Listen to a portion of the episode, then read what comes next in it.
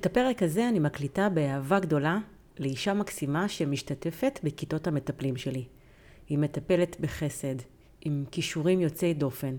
היא עוזרת לאנשים לעבור תהליכי ריפוי משמעותיים, והיא נתקעת רק במקום אחד, שתכף אספר לכם מהו. וכשהתחלתי להקליט את הפרק הזה עבורה, עלו לראש עוד אנשים מתוכניות הליווי, שנתקעים גם הם, כל אחד במקום שבו הוא נתקע. ולהיתקע זה לא רק לא כיף, זה גם בדיוק הדבר הזה שמונע התפתחות, את המעבר לשלב הבא. וכשמדברים על מטפלים בקליניקה, זה גם בדיוק הדבר שיכול להפריע לקליניקה להתקיים או להיפתח. ככל שהעמקתי בתכנים שאני רוצה לדבר עליהם היום, הבנתי שהיום נדבר על הלא אמורים. כל מיני מחשבות שמטפלים נוהגים לחשוב שהם אמורים, אבל זו לא האמת. ואנחנו לא, באמור, לא באמת אמורים לעשות את הדברים האלה, להיות הדברים האלה, לחשוב את הדברים האלה. אלה דברים שאנחנו בטעות חושבים שאנחנו אמורים. אני מקווה שהפרק הזה ירגיש לכם כמו חיבוק, כמו זריקת הרגעה, כמו ניקוי של בלגן מיותר, ובייחוד ייתן לכם כוח להמשיך בדרך שלכם בקליניקה. לפני שנתחיל אני אציג את עצמי, אני שלי, ויש לי שיחה קבועה עם גברת אמורי שיושבת לי בראש. לעתים קרובות היא משמיעה את קולה ומסמנת לי על כל מיני דברים שאני אמורה להיות. אבל אמור זה שם של דג, את זה כל מאמן יודע להגיד. ואני מספיק מיומנת להגיד לה, אמורי שומעת? תרפי קצת, אוקיי? בואי ניקח לסיבוב מחשבה את מה שאת אומרת. יכול להיות שאת טועה ומטעה. בפרק הזה נדבר על כמה אמורים נפוצים שאני שומעת. ממשתתפים בכיתות הליווי שלי. נדבר על אמורים בעולם השיווק, נדבר על אמורים בעולם הידע והביטחון המקצועי, נדבר על גבולות בקליניקה עבורכם ועבור האנשים שאתם מלווים, ועל עוד כל מיני אמורים שככה יגיעו בין, בין לבין השורות. אז שנתחיל. אמור ראשון, אמור שקשור לעולם השיווק, תראו, אנחנו לא בדרנים, אנחנו לא אושיות רשת, אנחנו לא דוגמנים, אנחנו לא כוכבי סרטונים, אנחנו מטפלים. ואני רואה לעיתים כל כך קרובות את האמורים האלה, משתלטים למט, למטפלים על כל ההוויה ומפריעים להם לעשות את הפעולות הבסיסיות של שיווק. אנחנו לא מספיק יפים, אנחנו לא מדברים מספיק טוב מול מצלמה, אין לנו רקע מספיק טוב, לא העלינו מספיק סרטונים, כל מיני, אם בכלל את מחשבה שצריך לעלות סרטונים, כל מיני אמורים כאלה שהתפיסה שלהם היא להיות אה, אה, מצחיק, כריזמטי, אושייה, זה לא המקום שלנו, אנחנו מטפלים. אנחנו משתמשים ברשתות החברתיות כמו מיקרופון. או, או רמקול, כדי שמה שיש לנו להגיד פשוט יישמע יותר חזק. ואם אפשר, גם שזה יישמע יותר מדויק באוזניים של האנשים שצריכים את העזרה שלנו. עכשיו תראו, עבור המטפלים שאני מלווה, ערך האותנטיות הוא מאוד מאוד חשוב, וממש קשה להם כשהם מתבקשים לזייף משהו שהם לא, או להוציא מעצמם דברים שהם לא מדויקים להוויה שלהם, להתמסר לטרנדים רק כי ככה נהוג ברשת. ולכל אלה אני אומרת עכשיו, תעזבו את זה. זה ממש לא נכון, אפילו להפך. מטפלים, כדאי שיעשו שיווק חכם, ערכי, שמעביר בצורה טובה את האנרגיה שמתקיימת בקליניקה. כמו שאתם מדברים בחיים ובקליניקה, ככה אתם צריכים להישמע בשיווק שלכם, בין אם הוא בסרטונים ובין אם הוא בתוכן כתוב. הדבר הכי חשוב זה להיות אתם, וזה אומר שהדבר הכי חשוב זה לא להיות לא אתם. לא לעשות משהו שהוא לא אתם. ואני יודעת, מה שאמרתי עכשיו, הוא גם לא כל כך קל לדעת מי אני. זו שאלה שאנשים עמוקים שואלים את עצמם על בסיס קבוע ומערערים בה לעיתים קרובות, ולא תמיד אנחנו יודעים מי אני ומה יש בי. דיברתי על הדבר הזה לא מעט בפרק אה, האחרון על בידול של מטפלים, אבל נשים רגע משהו על השולחן. מטפלים לא צריכים להיות טרנדים. הם, כדאי שהם יהיו קלאסיים, על זמניים, טרנדים מתחלפים. אנחנו מטפלים פה ולהישאר ולתמיד, ואנחנו ממש כדאי ש... לא נבסס את העבודה שלנו על טרנדים, לא, לא צריך את זה. אני חושבת שברמה מסוימת זה גם מוריד מהסמכות שלנו ומהתמונה הכללית שאנחנו מציגים שם בחוץ. מטפלים לא צריכים להיות בדרנים. כשאנשים חושבים על המטפל שלהם, הם לא חושבים על שחר חסון באותו זמן. הם גם לא חושבים על אושיית רשת שמוכרת להם קרם פנים. כשאנשים חושבים על המטפל שלהם, על מי שהם רוצים ללכת אליו, לעבור איתו תהליך, הם חושבים על דמות רצינית ועמוקה, שקולה, שהם רוצים אה, אה, להרגיש בטוחים איתה. לא משועשעים, לא מבודרים, לא מגניבים. אה, לא צריך את כל זה, והשימוש הזה בטרנדים וגימיקים ודברים שנפוצים ברשת, הם לא בהכרח נכונים למטפלים, ולפעמים הם אפילו ממש לא נכונים למטפלים. לי באופן אישי יש חוש הומור שמחובר טוב מאוד בקליניקה. זה מין חוש הומור מסוים כזה, שהוא לא מפריע לי לייצר סמכות, להפך, הוא מייצר תחושה של גובה העיניים, הוא מקליל כדי שאנשים יוכלו להתרכז אה, ולהיפתח לתוכן שיכול להיות להם מורכב או קשה מבחינה רגשית. זה כישרון שלי, וגם מיומנות ששיפרתי כדי לוודא שאני עושה את הדברים נכון. אבל אני לא ליצנית, ואני לא מספרת בדיחות כדי להצחיק. לא בקליניקה ולא ברשת, ואין שום סיבה ושום צורך שאני אה, אעשה את הדברים האלה. אם אני רוצה למשוך תשומת לב, אני אמשוך תשומת לב בצורה אינטליגנטית, בצורה חכמה, אה, לא, לא כמו שכולם עושים, כי זה פשוט לא נכון עבור מטפלים. אם אני אספר לכם באופן אישי עליי, אני חזקה בכתיבה, אני לא אוהבת להצטלם לסרטונים. ניסיתי לצלם סרטונים. זה מעיק עליי בצורה בלתי רגילה. הסרטונים היחידים שאני, הסרטים היחידים שאני יכולה להיות מצולמת בהם, זה סרטים שאני מעבירה בהם שיעורים. שם זה בסדר, זה עובר לי בטוב. אבל הקונספט הזה של סרטונים של דקה, זה המאמץ שאני צריכה להשקיע בדבר הזה, הוא, הוא לא סביר ולא משתלם, ואין שום סיבה שאני אעשה את זה. אני חזקה בכתיבה, אני אכתוב. ואני מצאתי את הדרך שלי להשמיע את הקול שלי, שהוא מעבר לסרטוני וידאו. אפילו אם זה, אם זה הפודקאסט הזה עכשיו, שיום אחד אמרתי לעצמי, זה יופי שאת כותבת, אבל אני רוצה שאנשים ירגישו יותר את האנרגיה שלי, אז הנה יש לי את הפודקאסט שלי. הרבה יותר קל לי להיות עם הפודקאסט הזה, ואני עושה את השיווק שקל לי. אני, אני מקליטה בצורה שקלה לי. כי אני מאמינה שמטפלים לא צריכים לעשות שום דבר שהוא לא הם, ושהוא מאוד קשה והוא מאוד מאתגר והוא גובה מהם המון זמן כדי לעשות שיווק. שיווק זה בסך הכל כלי שהמטרה שלו שאנשים יבואו אליי לקליניקה. הוא לא כל העולם שלי. אני לא אושיית רשת ואני לא צריכה להשקיע בזה יותר ממה שצריך להשקיע בזה. אז מטפלים לא אמורים לדבר כמו אושיות רשת, והם לא אמורים להיות מותגי על, והם לא כדאי שהם ידברו, ידברו בגרנדיוזיות, אלא אם כן זאת המהות שלהם. כן, אם זאת המהות שלהם, אז זה אולי בסדר. אבל אם זה לא המהות שלהם, אין שום סיבה שאנחנו נעשה משהו שהוא לא אנחנו. כן כדאי שאנחנו נמצא איפה נמצא את החוזקות שלנו, איפה קל לנו להעביר החוצה את המסרים שלנו, ושם, שם, שם להתרכז. בדרך השקטה, הנעימה, הבטוחה, אה, בדרך שהיא מתחברת מאוד מאוד עם ההוויה שלנו. ויש לי פה עוד נקודה שאני רוצה ככה לשים אותה על השולחן. אני ראיתי לאורך הדרך שלי שיש בלבול אה, קטן אבל גדול בין מנטורים. ראיתי שיש מורים שמלמדים תוכן של קליניקות, אבל הם בעצמם לא מטפלים. הם, אולי לא מטפלים עכשיו, אבל גם ראיתי לא מעט מורים ומרצים שלא טיפלו אף פעם. זה, אני מודה שכשמדובר בתוכן של אימון רגשי או NLP למשל, אפשר ברמה מסוימת לדבר על גם אם לא עשית את. זאת אומרת, יש, אפשר שיהיו מרצים ומורים שידברו על כלים טיפוליים בלי שהם היו מטפלים. אבל זה רעיון מאוד מאוד מאוד לא טוב. בגדול, כשאנחנו עושים את השיווק שלנו וכשאנחנו מדברים החוצה, אני חושבת שכדאי כמה שפחות לדבר על, וכמה שיותר לשים את תשומת הלב, לדבר על דברים שאני עושה אותם. רק אם עשיתי אותם, ככה השיווק שלי יוצא הרבה יותר טוב. אבל אם אני חוזרת רגע לאמורים, מטפלים לא אמורים להיות מרצים אם הם לא רוצים.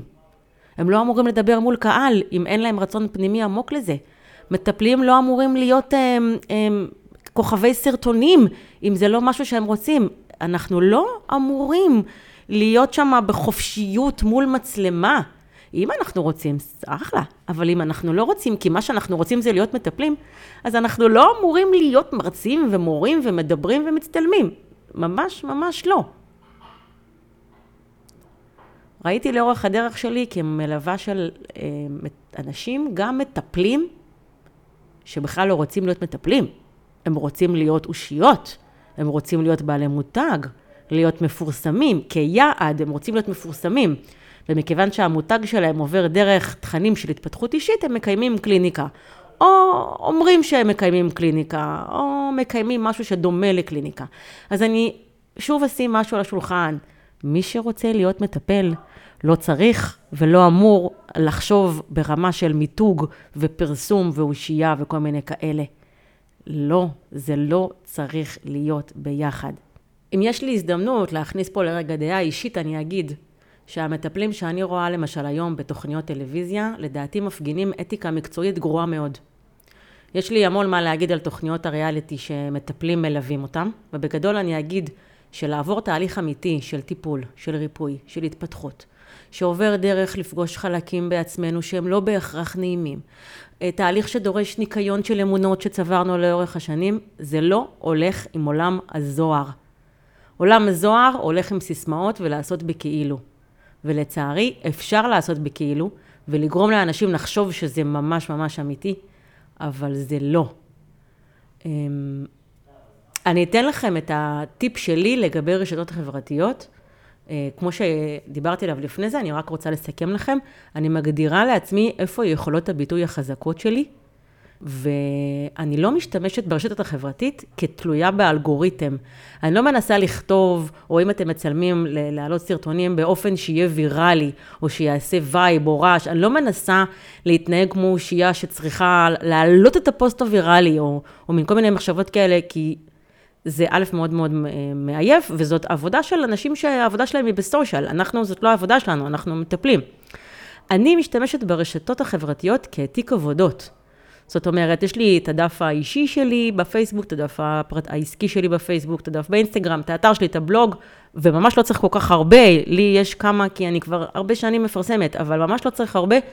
אה, אז יש לי את הרשתות החברתיות שלי, אני משתמשת בהן כתיק עבודה, זה אומר שאני מוודא שהתוכן שמופיע ברשת או ברשתות, מספר עליי ועל העבודה שלי בצורה טובה ורחבה, ואני לא מנסה לתפוס לקוחות על הדרך ברשת. זאת אומרת, אני לא אנסה להעלות את הפוסט שלי דווקא בשעה שהרבה אנשים נמצאים בה, או אני לא אנסה להשתמש במילים שהן מילים אה, כאלה ויראליות, או אני, אני ויתרתי לחלוטין על הדבר הזה, ואני רואה גם מהניסיון שלי ושל אנשים שאני מלווה, שאין שום צורך. כעיקרון, רוב האנשים שמגיעים אליי לקליניקה, וגם למטפלים שאני מלווה, מגיעים מפה לאוזן. אבל גם כשאנשים מגיעים מפה לאוזן, אה, אומרים להם, יש את שלי, כדאי לך ללכת אליה, אז עדיין אנשים נכנסים לרשת, בין אם זה בגוגל או איפה שלא מחפשים, ורוצים לראות מי זאת השלי הזאת. אז שם אני משתמשת ברשת החברתית כתיק עבודה, נותנת לאנשים להבין אה, מי אני. והדבר הנוסף שאפשר לעשות ברשתות החברתיות, זה ממש להתייחס אליהם ככלי ליצירה של מערכות יחסים. אמ, זאת אומרת, אני יכולה לדבר שם עם אנשים, לתת לאנשים את ההרגשה אמ, מי אני ואיך אני חושבת, לתת להם להרגיש את האנרגיה שלי, ואז אחרי שהם עוקבים אחריי מספיק זמן, הם יכולים להחליט אם הם רוצים לבוא לקורסים שלי או לקליניקה שלי, אבל אני ממש לא מנסה אה, לתפוס לקוחות על הדרך. אני חושבת ש... כשחושבים על זה בצורה רצינית, זה לא אחראי להגיע ככה לקליניקה מאיזה מטפל שראית אותו על הדרך. כשאנחנו רוצים לדבר על קליניקה ועל מקום שבו אפשר אה, לסמוך ולהיפתח ולדעת שאתה תעבור תהליך טוב, צריך לוודא טוב טוב מי המטפל, ואין לי שום ציפייה שהאנשים שמגיעים אליי לקורסים או לקליניקה יהיו כאלה שמפוסט אחד ויראלי יבואו אליי. אפילו אני אגיד לכם להפך, במהלך הזמן שאני מפרסמת תוכן, מדי פעם יוצא לי איזה פוסט ויראלי כזה. אני לא מתכוונת, אבל יוצא לי איזה משהו שהוא מגיע להרבה מאוד אנשים. ואז, כשאנשים uh, כותבים לי ופונים אליי לקליניקה, לעתים זה לא באמת האנשים הנכונים. זה לא באמת האנשים שמתאים להם לעבור תהליך איתי, הם לא באמת אה, רציניים. הפוסטים הוויראליים הם לא בהכרח הדבר שאנחנו מחפשים, אה, ולהפך, אנחנו רוצים את האנשים שיש להם את האחריות לעקוב אחרינו ולדעת באמת מי אנחנו.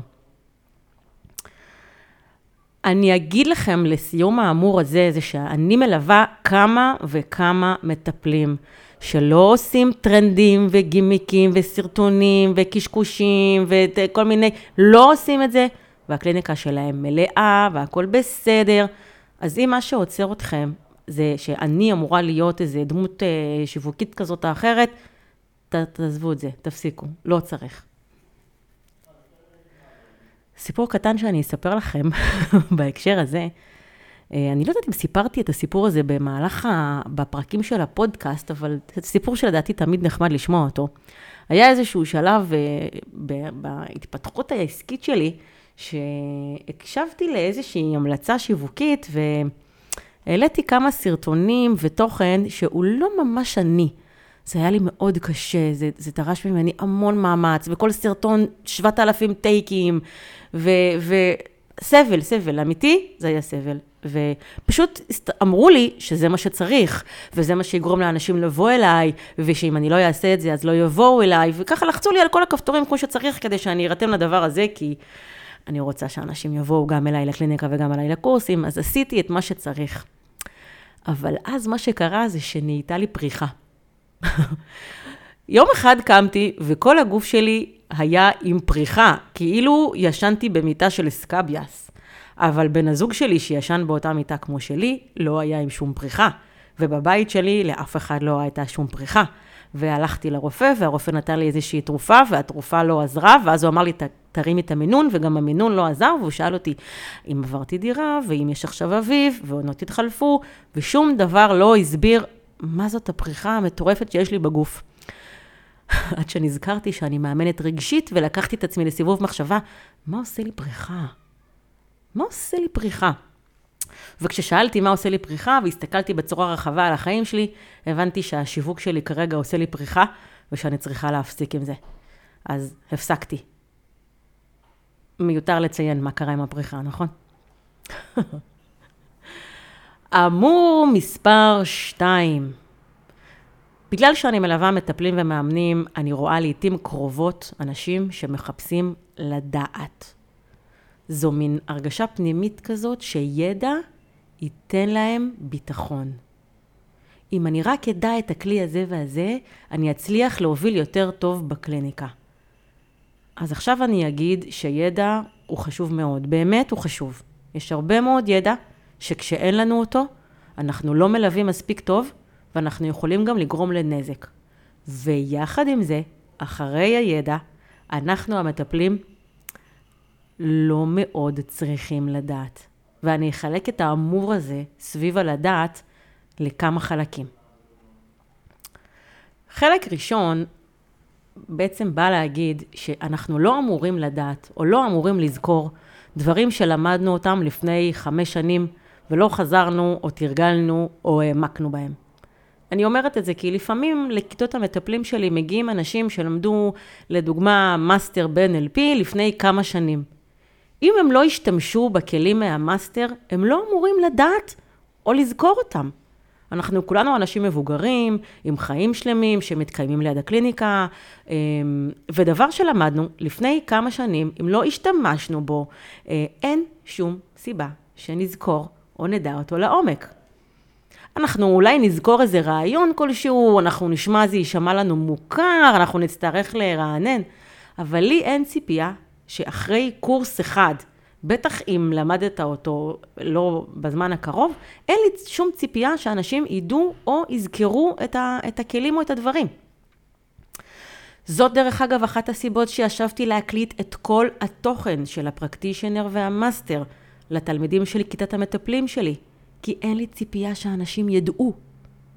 יש לי ציפייה שאם אנחנו מדברים על איזשהו כלי מסוים ואנשים לא זוכרים או לא יודעים, לא ישב להם טוב, אז הם ילכו ללמוד אותו, ואני נותנת להם את כל הקורס ואת כל התוכן, כדי שיהיה להם קל ללמוד, לרענן את, הזיכר, את הזיכרון, להעמיק. זה כן, אבל ממש אין לי שום ציפייה או מחשבה, אתה אמור לדעת את זה. להפך, אני חושבת שאנשים לא אמורים לדעת את הדברים. זה בסדר ללכת ולהתרנן וללמוד מחדש. אז אנחנו גם לא אמורים לדעת הכל. וגם, וזו הנקודה השנייה שחשוב לי לדבר עליה, אנחנו גם לא יכולים לדעת הכל, כי אין דבר כזה לדעת הכל. תמיד יש עוד מה ללמוד. עכשיו אני הולכת לספר לכם משהו שהוא קצת עמוק, אני מקווה שתהיו איתי אה, וזה לא יגרום לכם להתבלבל. תראה, ככה בואו ננסה את זה. תראו, בכללי, התייחסות של אני רוצה לדעת הכל, היא התייחסות שמעידה על מוטיבציה שלילית לתחושת הידע. אני אגיד את זה רגע במילים פשוטות, לטובת מי שעוד לא מכיר את הטרמינולוגיה המקצועית שלי. כשאנשים מדברים בשפה של אני רוצה הכל, או אני רוצה יותר ויותר, או אני רוצה כמה שיותר, זה מעיד שבדפוס החשיבה העמוק שלהם, הם לא מחפשים עוד ידע, הם מחפשים לברוח ממקום שבו אין להם ידע. בתחום האימון הרגשי, אנחנו משקיעים תשומת לב רבה לדקויות הקטנות של השפה, כי הן מעידות לנו איפה נמצאות הבעיות האמיתיות של אנשים, כדי שנוכל גם לעזור להם לעומק ולא רק עזרה שהיא ליד. אז כשאני שומעת אדם שרוצה עוד ועוד ידע, אני יודעת שלא צריך להשקיע את המשאבים בעוד ועוד ידע. צריך להשקיע את המשאבים בלתת לו ביטחון. וביטחון לא נותנים בעוד ידע, אלא בניסיון. אז אני נסכם רגע את החלק הזה, נגיד שאתם, המטפלים, אתם לא אמורים לדעת. כדאי מאוד שתהיו עסוקים בלהתנסות. יש עוד אמור אחד שמתקשר ללדעת, והוא מתחבר לתוך מה שקורה בתוך הקליניקה. בתוך הקליניקה, אחרי שאנחנו אה, יודעים את הכלים והתנסינו והשתפשפנו והכל בסדר, כשאנחנו נכנסים לקליניקה, אנחנו אמורים להפסיק לדעת. אני רואה המון מטפלים או מאמנים שעסוקים בלדעת בתוך הקליניקה, אבל הדבר הנכון יותר לעשות הוא לסגור את הידע ולעבור לסקרנות. לשאול את המטופל שאלות, לא לייעץ. לא לדעת עבור אנשים. לא לחשוב שאני יודעת, לא לחשוב שאני מבינה, לא להתאמן על קריאת מחשבות, לא לנסות לראות אם אני מבינה פה או לערער מה בדיוק קרה. לשאול. וזה אומר שאני באמת צריכה לא לדעת עבור האנשים שאני מלווה אותם. זו תפיסת עולם צנועה ומכבדת שהיא חלק מהותי מהאמון הרגשי, שבעצם אומרת שלכל אדם יש את מפת העולם שלו. ושמפת העולם שלי כמטפלת מאמנת שונה ממפת העולם של מי שאני מאמנת, ומתוך כך אני גם לא בהכרח מכירה את מפת העולם שלו, ואני גם לא בהכרח רואה את הדברים כמוהו, ומתוך כך כשאני מאמנת, אני צריכה לשאול. אני לא אמורה לדעת, אני אמורה לשאול. ובנוסף לזה, אם נעמיק לרגע בהיבטים המקצועיים, יש פה עוד נקודה שהיא מאוד מאוד חשובה. ידע שאני מקנה למתאמן בצורה שאני מספרת לו דברים עליו, עובר בצורה הרבה פחות טובה מידע שאני מקנה למתאמן על עצמו, כשאני שואלת אותו שאלות ומבקשת ממנו לדלות את התשובות מתוך עצמו. כשהמוח מעורב בתהליך הקניית הידע, בחיפוש, בנבירה פנימית, בביטוי של רעיונות אישיים, גם בתיקון שלהם, ידע ש, שמגיע לבן אדם מתוך המחשבה הפנימית שלו והחיפוש הפנימי שלו, הוא ידע שהתיישב שם בצורה הרבה יותר טובה, הרבה יותר אה, עמוקה. זה ידע שלא שוכחים אותו. אנשים יכולים לשכוח מה אמרתי להם, אבל הם לא יכולים לשכוח דברים שעולים מתוך עצמם, וגם זה מוודא שלא יהיו לי זיופים או ריצויים בקליניקה, שזה נושא גדול בפני עצמו, אני רק אגיד על קצה המזלג, ש... לעיתים קרובות, כשמטפלים ומאמנים בתחום של אימון רגשי, עסוקים בללמד בן אדם על עצמו, אה, להגיד לו, אני רואה שאתה ככה וככה, או אה, מחליט, או ככה נותנים לאנשים הגדרות ולא, ולא נותנים לאנשים להבין את עצמם מתוך עצמם, אז מטופלים יכולים להגיע בקלות למצב שהם אומרים, כן, נכון, צודקת, והם לא לוקחים את זה לסיבוב פנימי. הם, הם רוצים לרצות את המטפל, הם לא רוצים אה, לריב עם המטפל, הם לא רוצים לייצר הרגשה לא נעימה בקליניקה, הם, הם לא תמיד מסכימים, אבל הם גם לא רוצים להתווכח. זה, כל הסיטואציה הזאת היא לא מקצוענית בעליל, ולכן אני חושבת שאם חשוב לכם הידע וחשוב לכם העומק של התהליך, עזבו את הידע. אתם לא צריכים להראות שאתם יודעים, ואתם לא צריכים להראות שאתם חכמים. בכלל, מטפלים לא אמורים להיות חכמים. מטפלים כדאי שהם יהיו סקרנים. מטפלים לא צריכים לדעת, כדאי שיהיה להם את הביטחון לשאול. אפילו לשאול שאלות שלא לא נראות, לא נשמעות טוב, כמו, רגע, רגע, לא הבנתי, תסביר לי עוד פעם מה אמרת עכשיו. ולא לפחד להישמע קצת אה, טמבל, או, או ממש לבקש מאנשים להסביר את עצמם שוב ושוב ושוב, כדי לוודא שאני מבינה אותם וגם הם מבינים את עצמם. אז מטפלים יקרים, בואו נשחרר את הצורך שלנו לדעת ונחליף במקומו לצורך שלנו לתרגל, לשאול ולהסתקרן. להסתקרן. עוד כוכבית קטנה שאני אגיד לגבי הדבר הזה, של אני אמורה לדעת, שבתפיסה שלי התחושה הזאת של אני אמורה לדעת, אבל אני לא יודעת, זו הרגשה שמייצרת תחושה מאוד לא נעימה של שיפוטיות. את אמורה לדעת, או אני אמורה לדעת. אבל אני לא יודעת.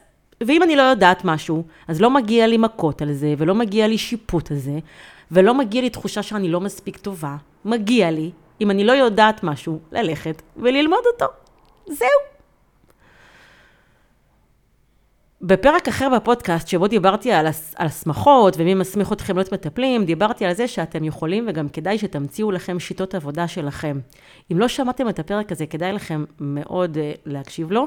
אנשים כתבו לי שהפרק הזה הפך להם את הבטן ונתן להם גם הרגשה מאוד טובה כלפי העבודה שלהם בקליניקה, ואני מספרת לכם את זה עכשיו, כי לפעמים הדרך הטובה ביותר שלנו לעבוד, זה להפסיק לדעת ולהתחיל לייצר דברים חדשים. יאללה, בואו נעבור לאמור נוסף. זה אמור שמכאיב לי כל פעם מחדש, וזו מחשבה שאיך אני יכולה ללוות אנשים אם לא טיפלתי בכל הבעיות שלי? אז הרשו לי לנקות לכם את האמור הזה, אין אדם שטיפל בכל הבעיות שלו. מבחינה רעיונית, פסיכולוגית, מנטלית, רוחנית, מכל היבט שתבחנו את זה, אין דבר כזה לנקות את כל הבעיות. כואב לי על המחשבה הזאת, כי אני רואה את זה לעיתים קרובות, שמטפלים עוצרים את עצמם. לא ללוות אנשים שיש להם את אותה בעיה כמו שלהם, או לא ללוות אנשים בכלל, כי הם עוד לא סיימו את ההתפתחות האישית שלהם, ועוד יש להם אישויים גדולים בחיים ולא פתורים, ועד אז שהם יפתרו את זה, הם לא יכולים ללוות. אז תראו, באמור הזה, יש שתי תפיסות שהן טעויות מאוד מאוד גדולות, ואני, ממש חשוב לי להרחיב עליהן פה בפרק הזה. הטעות הראשונה זה שאפשר לטפל בכל הבעיות, והטעות השנייה היא שאני לא יכולה ללוות אנשים שיש להם את אותה בעיה כמו שלי, כי אני בעצמי עוד לא פתרתי את הבעיה. אז בואו נרחיב על שני אלה. נתחיל עם המחשבה שאפשר לטפל בכל הבעיות. תראו, מוח זה איבר שעובד על שאלות ובעיות. אם הייתם יכולים להיכנס למאחורי הקלעים ולבדוק איך המוח שלכם עובד, הייתם מגלים שכל מה שאתם עושים, אומרים, חושבים ומרגישים, מופיע קודם בפורמט של בעיה שהמוח צריך לפתור אותה. אפילו הדברים הקטנים ביותר. כדי שאני ארים את היד ואגרד בלחי שלי, המוח שלי מקבל קודם כל סיגנל של יש בעיה, יש בעיה, יש גירוי. אחר כך הוא מייצר סדרה של פעולות מהירות, כמו מה צריך לעשות, מה נהוג לעשות, אחר כך הוא יעשה את מה שצריך לעשות. אני לא מודעת לסדרת הפעולות הזאת. היא נראית לי אוטומטית. אבל ככה מוח עובד לגבי כל הדברים. מוח זה איבר ששואל שאלות, מחפש בעיות כדי לפתור אותם. אם תחשבו על זה ותיקחו uh, כמה דוגמאות מהחיים שלכם לניסיון, תגלו בעצמכם איך הדבר הזה מתקיים. זה לא אומר שכל בעיה היא בעיית עולם ומשבר, אבל הדרך שבה מוח עובד היא דרך פתרון בעיות. מוח זה איבר שאוהב רוצה, צריך וזקוק לפתור בעיות. אז כל עוד יש מוח, יש בעיות. זה שיש בעיות שאנחנו לא חווים כבעיות, זה לא אומר שאין בעיות. זה רק אומר שיש בעיות שהמוח שלנו חווה כבעיות, וכאלה שהמוח שלנו לא חווה כבעיות. ואם מוח יכול לחוות בעיה כלא בעיה ובעיה ככן בעיה, זה אומר שהבעיה היא לא בעצם העניין, אלא רק איך המוח שלנו חווה אותה. אני מקווה שלא תסבכתי אתכם ממה שאמרתי עכשיו, ואם כן אני מצטערת, אבל זה חלק מאוד חשוב בעבודה העמוקה ובהבנה העמוקה של איך מוח עובד, איך בעיות נוצרות, והכי חשוב, של איך באמת מטפלים בבעיות הגדולות, כי מבחינתנו, כשאנחנו מבינים איך מוח עובד, וזה שגודל הבעיה שאני חווה, הוא לא בהכרח קשור לגודל האמיתי של הבעיה, אלא רק לפרשנות שהמוח נתן לי, כשאני מבינה את הדברים האלה, הרבה יותר קל לי להוביל בצורה טובה בקליניקה. אז אין אדם שגמר לטפל בכל הבעיות, אף פעם, אפילו הגד, הגורו הגדול ביותר בעולם, אם יש בכלל דבר כזה. אני כן יכולה להגיד לכם שיש בתפיסה התרבותית שלנו את העיוות הזה. כן, יש אנשים שמציגים את זה כאילו הם ראו את האור, שמעו את הכל, ניקו את כל הבעיות. הם חיים חיים מאושרים של הגשמה, מימוש, שמחה ופייק ופייק ופייק ופייק. ומרוב שיותר מדי אנשים הציגו את הפוזיציה הזאת יותר מדי זמן, נכנס לנו כתפיסה תרבותית לראש שיש דבר כזה לפתור את כל הבעיות, אבל זה שקר, אין דבר כזה. וכואב לי שאנשים מנסים להגיע למצב שהם ללא בעיות. כואב לי כי זה מצב שמייצר תחושה ארוכה ומתמשכת של עדיין יש לי בעיות, עוד לא פתרתי את כל הבעיות, או כשכבר יש איזושהי בעיה, זה פתאום מרגיש כאילו זה לא אמור לקרות. אבל זה כן אמור לקרות. בעיות כן אמורות לקרות, כי ככה זה מוח וככה זה החיים שלנו. הדבר הזה כואב לי במיוחד גם כי יש עוד משהו שחשוב לדעת. אושר הדבר החמקמק הזה שאנשים רודפים אחריו, נמצא לעיתים קרובות ברגע הזה שבו קיבלנו בהירות לגבי בעיה. כן, כן, כן, כן. חיים ללא בעיות הם גם חיים עם פחות עושר מורגש. וזה, אני חושבת, מאוד מאוד חבל. עכשיו, אני יודעת שאולי אמרתי משהו שאתם לא מכירים, השיעור על עושר הוא שיעור מאוד מעניין ומאוד מפתיע.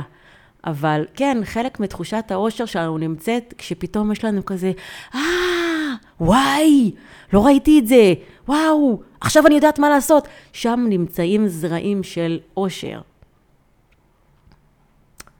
טוב, אז ניקינו את אמורים לדעת, אה, לפתור, סליחה, אמורים לפתור את כל הבעיות. עכשיו נדבר על הדבר השני של אני לא יכולה ללוות אנשים שיש להם את אותה בעיה כמו שלי, אם לא פתרתי את הבעיה שלי. ואני שואלת את עצמי, למה? למה שאני כמטפלת יחשוב כך? אני אמורה לתת לאנשים את התשובות? אני אמורה להראות לאנשים את הדרך? אני אמורה לייעץ להם איך ללכת ומה לעשות? לא ולא ולא ולא. באימון רגשי, אני אמורה ללכת עם האדם בזמן שהוא הולך בדרך שלו. אני אמורה לתת לו כלים שיעזרו לו להבין את מה שהוא צריך להבין. אני אמורה להחזיק לו את היד כשהוא פוגש את השדים. אני אמורה להראות לו את מה שהוא כרגע לא מצליח לראות, אבל מה זה קשור לאתגרים הפרטיים שלי? אפילו להפך. כשמגיע אליי לקליניקה אדם שיש לו את אותה בעיה כמו שלי, זו שמחה וצהלה, כי דרך העבודה שלו אני ארוויח המון ידיעות על עצמי. מי שעובד מספיק זמן בליווי אנשים בקליניק, בקליניקות יודע שמגיעים אליו בדיוק האנשים עם האישו שאיתו הוא צריך להתמודד עכשיו. זו חוויה מרגשת ומעניינת, שאם מקבלים אותה בברכה, מרגישים איך החיים מתפתחים בקפיצות גדולות ועמוקות. אז נוציא רגע את הדבר הזה, שאני אמורה לתת תשובות ואני אמורה לדעת, ואם לא פתרתי את הבעיה, איך אני יכולה להוביל אחרים. אני לא צריכה לחוות את הבעיות של האחרים בשביל להוביל אותם. אני צריכה לדעת להוביל. אה, פה מתחבר לי עוד משהו קטן, שלפעמים אנשים שהם מצאו את הדרך שלהם לאנשהו, כמו למשל, הצלחתי לרדת במשקל, אני אלמד אתכם איך עושים את זה, או כל מיני, אם אני עשיתי את זה, גם אתה יכול, פה נכנסת עוד איזושהי בעיה, שבעצם אנשים באים עם פתרונות. עם ייעוצים, אבל לא פתרון שלי לא בהכרח מתאים למישהו אחר. ומחשבות שלי לא בהכרח מתאימות למישהו אחר. והדרך שלי לא בהכרח מתאימה למישהו אחר, וכוח ההשפעה שלי לא בהכרח מתאים למישהו אחר. ובקיצור, זה שאני פתרתי איזושהי בעיה, בכלל לא אומר שאני יכולה ללוות מישהו אחר עם אותה בעיה. בכלל לא. יכול להיות שאני מבינה את הבעיה שלו. יכול להיות שאני יכולה להרגיש את הכאב שכרוך בבעיה הזאת, אבל זה שאני פתרתי את הבעיה, לא אומר שאני יכולה להוביל אותו בדרך שלו. המיוחד, המיומנות שלנו, המקצועיות שלנו, היא לא בלתת את התשובות, אלא בלהיות עם האנשים בזמן שהם הולכים בדרך שלהם. אספר לכם סיפור מצחיק שקרה לי לפני כמה שנים. אה, למדתי באחד הקורסים אה, מישהו שהוא החליט שהוא רוצה לפתוח בית ספר לאיזושהי, אה, ליוגה. אני לא זוכרת אם זה היה בדיוק ביוגה, אז משהו כזה שהוא ליד יוגה. הוא היה מורה ליוגה, והוא רצה לפתוח בית ספר ליוגה, והוא הבין שכדי לפתוח בית ספר ליוגה, הוא צריך שיהיה לו אה, מישהו שהולך איתו בדרך. והוא אה, חיפש כמה מלווים, אה, והיו לו כמה אנשים ככה ברשימה. בסופו של דבר הוא פנה אליי, והוא אמר לי, החלטתי שאני רוצה שאת תלווי אותי בדרך לפתיחת בית ספר. ואני זוכרת שישבתי מולו, אני מדברת איתכם לפני הרבה מאוד שנים, אני זוכרת שישבתי מולו ואמרתי לעצמי, איך אני אלווה אותו בדרך לפתיחת בית ספר? מה לי וללפתוח בית ספר? אבל זכרתי שהתפקיד שלי זה לאמן אותו בדרך שהוא פותח את בית הספר. הוא לא ביקש ליווי עסקי לפתיחת בית ספר. הוא, הוא, הוא ביקש ליווי רגשי בדרך לפתיחת בית ספר. והלכנו את הדרך שלו בדרך לפתיחת בית ספר, ואני מוכרחה להגיד לכם, שאני יודעת בוודאות שהדרך שאני ליוויתי אותו בדרך לפתיחת בית הספר שלו, הייתה הקרקע לפתיחת בית הספר שלי כמה שנים אחר כך. אז תודה לך, נחשון, איש יקר, שעשית את הדרך הזאת איתי כמה שנים לפני שאני פתחתי את בית הספר שלי, וככה זה בקליניקה. אז אתם יכולים ללוות אנשים שיש להם את אותה בעיה כמו שלכם, גם אם לא פתרתם את הבעיה. אתם בהחלט, בהחלט יכולים. אמור אחרון שנדבר עליו בפרק הזה, הוא אמור שקשור לגבולות בקליניקה. למטפלים, מאמנים, אנשים שמקיימים קליניקה, יש לפעמים הרגשה קשה סביב הקליניקה, אה, או לפעמים הרגשה קשה שמפריעה להם אפילו לפתוח קליניקה, כי נדמה להם שהם צריכים להיות שם תמיד עבור אנשים אחרים. מרגיש להם כאילו הקליניקה שותה להם או תשתה להם את הזמן הפרטי, כאילו משהו מתחושת החופש עלול להיפגע ברגע שאני אתחיל ללוות אנשים בצורה מקצועית. ואני יכולה להבין את המחשבה הזאת, כי אני מלווה מספיק מטפלים, ואני רואה כמה בקלות, בגלל אמונות אה, מוטעות, מטפלים לא שומרים נכון על גבולות הקליניקה שלהם. עונים לוואטסאפ בכל שעה, עונים לוואטסאפ על כל שאלה, קצרה וגם ארוכה, דברים שאמורים לדבר עליהם בתוך הקליניקה, בתוך המפגש, מתכתבים עליהם, אה, כל מיני שעות. אמ, מבחינה מקצועית חשוב לי להגיד שיש מעט מאוד נושאים שכדאי לטפל בהם בוואטסאפ. ממש, וואטסאפ אמור להיות להודעות טכניות ועם גבולות מאוד ברורים של מתי ותוך כמה זמן אנחנו עונים, כי אנחנו מטפלים, אנחנו לא אמבולנס ואנחנו לא טיפול נמרץ. אמ, אני מאפשרת לאנשים שאני מלווה ליצור איתי קשר לאורך השבוע במייל. אם הם רוצים לשתף אותי ככה במשהו שהוא מורכב שהם עברו, במשהו אה, טוב שהם עברו, לשבת ולכתוב במייל. יש לזה המון סיבות והמון אה, הסברים. הסברתי את זה באחד הפרקים הקודמים. אני לא רוצה להיכנס לזה עכשיו אה, וככה לשתות את הזמן מהפרק הזה, אבל אני אגיד שאנחנו כמטפלים לא אמורים להיות שם תמיד, לענות שם תמיד, לקבל אנשים בכל שעה שהם רוצים. לא רק שאנחנו לא אמורים, אנחנו אמורים שלא. וכשאני שומרת על הגבולות בקליניקה, זה לא בגלל שאני רעה וקמצנית, אלא יש לזה סיבות אחרות לגמרי. אז בואו נגיד אותם, ועם זה אנחנו נסיים את הפרק. קודם כל הזמן שלי. אם הזמן שלי פרוץ, במוקדם ולא במאוחר, אני ארגיש שחיקה, חוסר גבולות, כעסים, ואני ארגיש שפחות ופחות בא לי לדבר עם אנשים. אני אומרת לכם את זה מניסיון, ואני אומרת לכם את זה גם כי ראיתי מספיק מטפלים לאורך הדרך. הסיבה השנייה שבגללה אני מבקשת מאנשים לכתוב לי למשל למייל, ולא להקליט לי או לוואטסאפ ולתת להם תחושה שאני תמיד שם וכל הזמן, היא כי כשאני מבקשת מאנשים עוד שנייה אה, לשבת למייל, זה גורם להם לחשוב עוד רגע, לסדר עוד רגע את המחשבות שלהם. איכשהו הוואטסאפ מייצר איזו תחושה שאפשר לעשות כזה מין ברור, להקיא את כל הדברים לתוך הוואטסאפ או, או לתוך ההקלטה, וכשהם מתיישבים למייל, מסדרים את המחשבות, מנסחים את הדברים אחרת. מעבר לעובדה שחלק מהדברים שצריכים לשבת בצורה מסודרת בכלל נופלים, ואנשים אומרים, יאללה, לא חשוב, אבל כשאנשים יושבים ומסדרים לעצמם את הראש בזמן שהם כותבים לי, חלק מהבעיה הם כבר פותרים בעצמם. וכשאנשים חלק מהבעיה פותרים בעצמם, מבחינתי הדבר הזה זה תחושה מאוד משמעותית של העצמה. אז זה דגש נוסף שכדאי לנו לזכור, שאנחנו לא רק שאנחנו לא אמורים להיות שם תמיד, כדאי לנו לא להיות שם תמיד. בהקשר הזה נגיד עוד דבר אחד, מטפלים נכנסים לקליניקה מכל מיני סיבות. אבל כשמטפלים לא עושים התפתחות אישית טובה של מטפלים, הם עלולים לייצר בקלות מצבים של תלות בינם לבין המטופל או המתאמן. התחושה הזאת של אני שם תמיד, נותנת לאנשים, למטפלים, תחושת משמעות וחשיבות. רואים את זה הרבה על הורים. יש הורים שהם שם תמיד עבור הילד, והם יציג, יצילו את הילד, והם יגיבו לכל קריאה שלו. זה נותן להם, ההורים, תחושה שהם חשובים, שהם משמעותיים, שהם גב.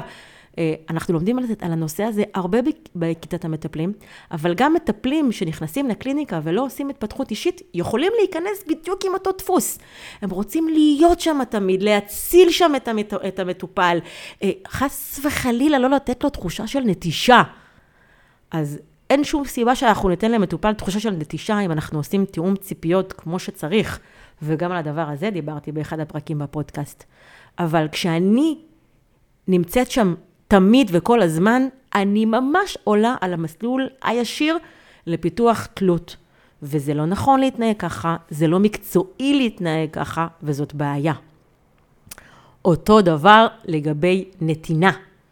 נתינה בלי גבולות. מכירים את המחשבה הזאת? אם אני אהיה טובה, אני אהיה בנתינה. אם אני מטפלת טובה, אני צריכה להיות בנתינה. ו- ואני אומרת, מה פתאום? מטפל, מאמן טוב, צריך להיות בנתינה? ממש לא. מטפל צריך לעבוד בצורה מקצועית.